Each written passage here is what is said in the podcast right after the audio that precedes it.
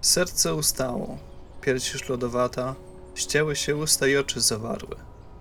Na świecie jeszcze, lecz już nie dla świata. Cóż to za człowiek? Umarły. Patrz. Duch nadziei życie mu nadaje, gwiazda pamięci promyków użycza. Umarły wraca na młodości kraje, szukać lubego oblicza. Pierś znowu tchnęła, lecz pierś lodowata. Usta i oczy stanęły otworem, na świecie znowu, ale nie dla świata. Czymże ten człowiek? Upiorem. Ci, którzy bliżej cmentarza mieszkali, wiedzą, iż upiór ten co roku się budzi, na dzień zaduszny mogiła odwali i dąży pomiędzy ludzi. Aż gdy dzwonią na niedzielę czwartą, wraca się nocą opadły na sile, z piersią skrwawioną, jakby dziś rozdartą, usypia znowu w mogile. Pełno jest wieści o nocnym człowieku, żyją, co byli na jego pogrzebie. Słychać, iż zaginął w młodocianym wieku, podobno zabił sam siebie.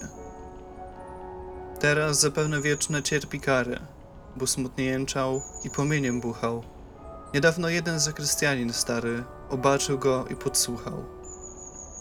Mówi, iż upiór, skoro wyszedł z ziemi, oczy na gwiazdę poranną wywrócił, załamał ręce i usty chłodnymi, takową skargę wyrzucił. Duchu przeklęty, po co śród parowu nieczułej ziemi ogień życia wzniecasz? Blasku przeklęty, zagasłeś i znowu, po co mi znowu przyświecasz?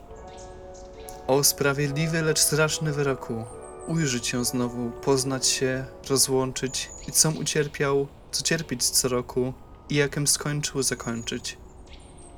Żebym cię znalazł, muszę między zgraja błądzić z długiego wyszedłszy ukrycia lecz nie dbam, jak mnie ludzie powitają, wszystkiegom doznał za życia.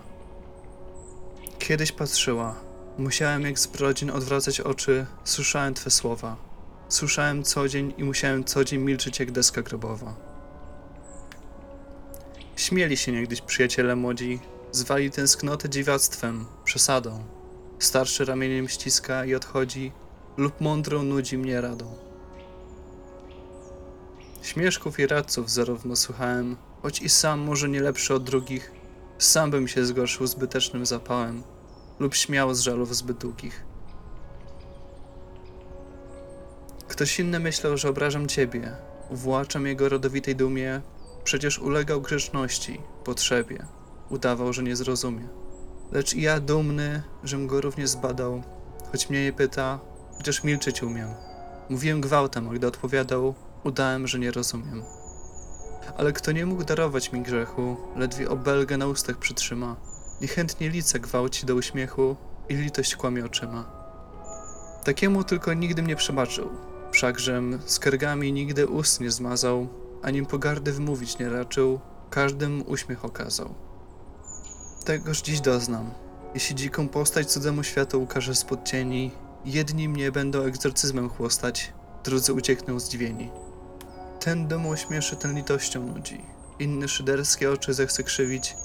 Do jednej idąc, na cóż tyle ludzi muszę obrażać lub dziwić. Cóżkolwiek będzie, dawnym pójdę torem, szydercom litość, śmiech litościwemu, tylko, o luba, tylko ty z upiorem powitaj się po dawnemu. Spojrzyj i przemów, daruj małą winę, że śmiem do ciebie jeszcze raz powrócić. Mara przyszłości, na jedną godzinę obecne szczęście zakłócić.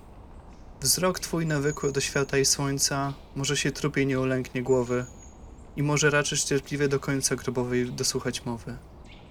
I ścigać myśli po przeszłych obrazach, błądzące jako pasożytne ziele, które wśród gmachu starego po głazach rozpierzchłe gałązki ściele.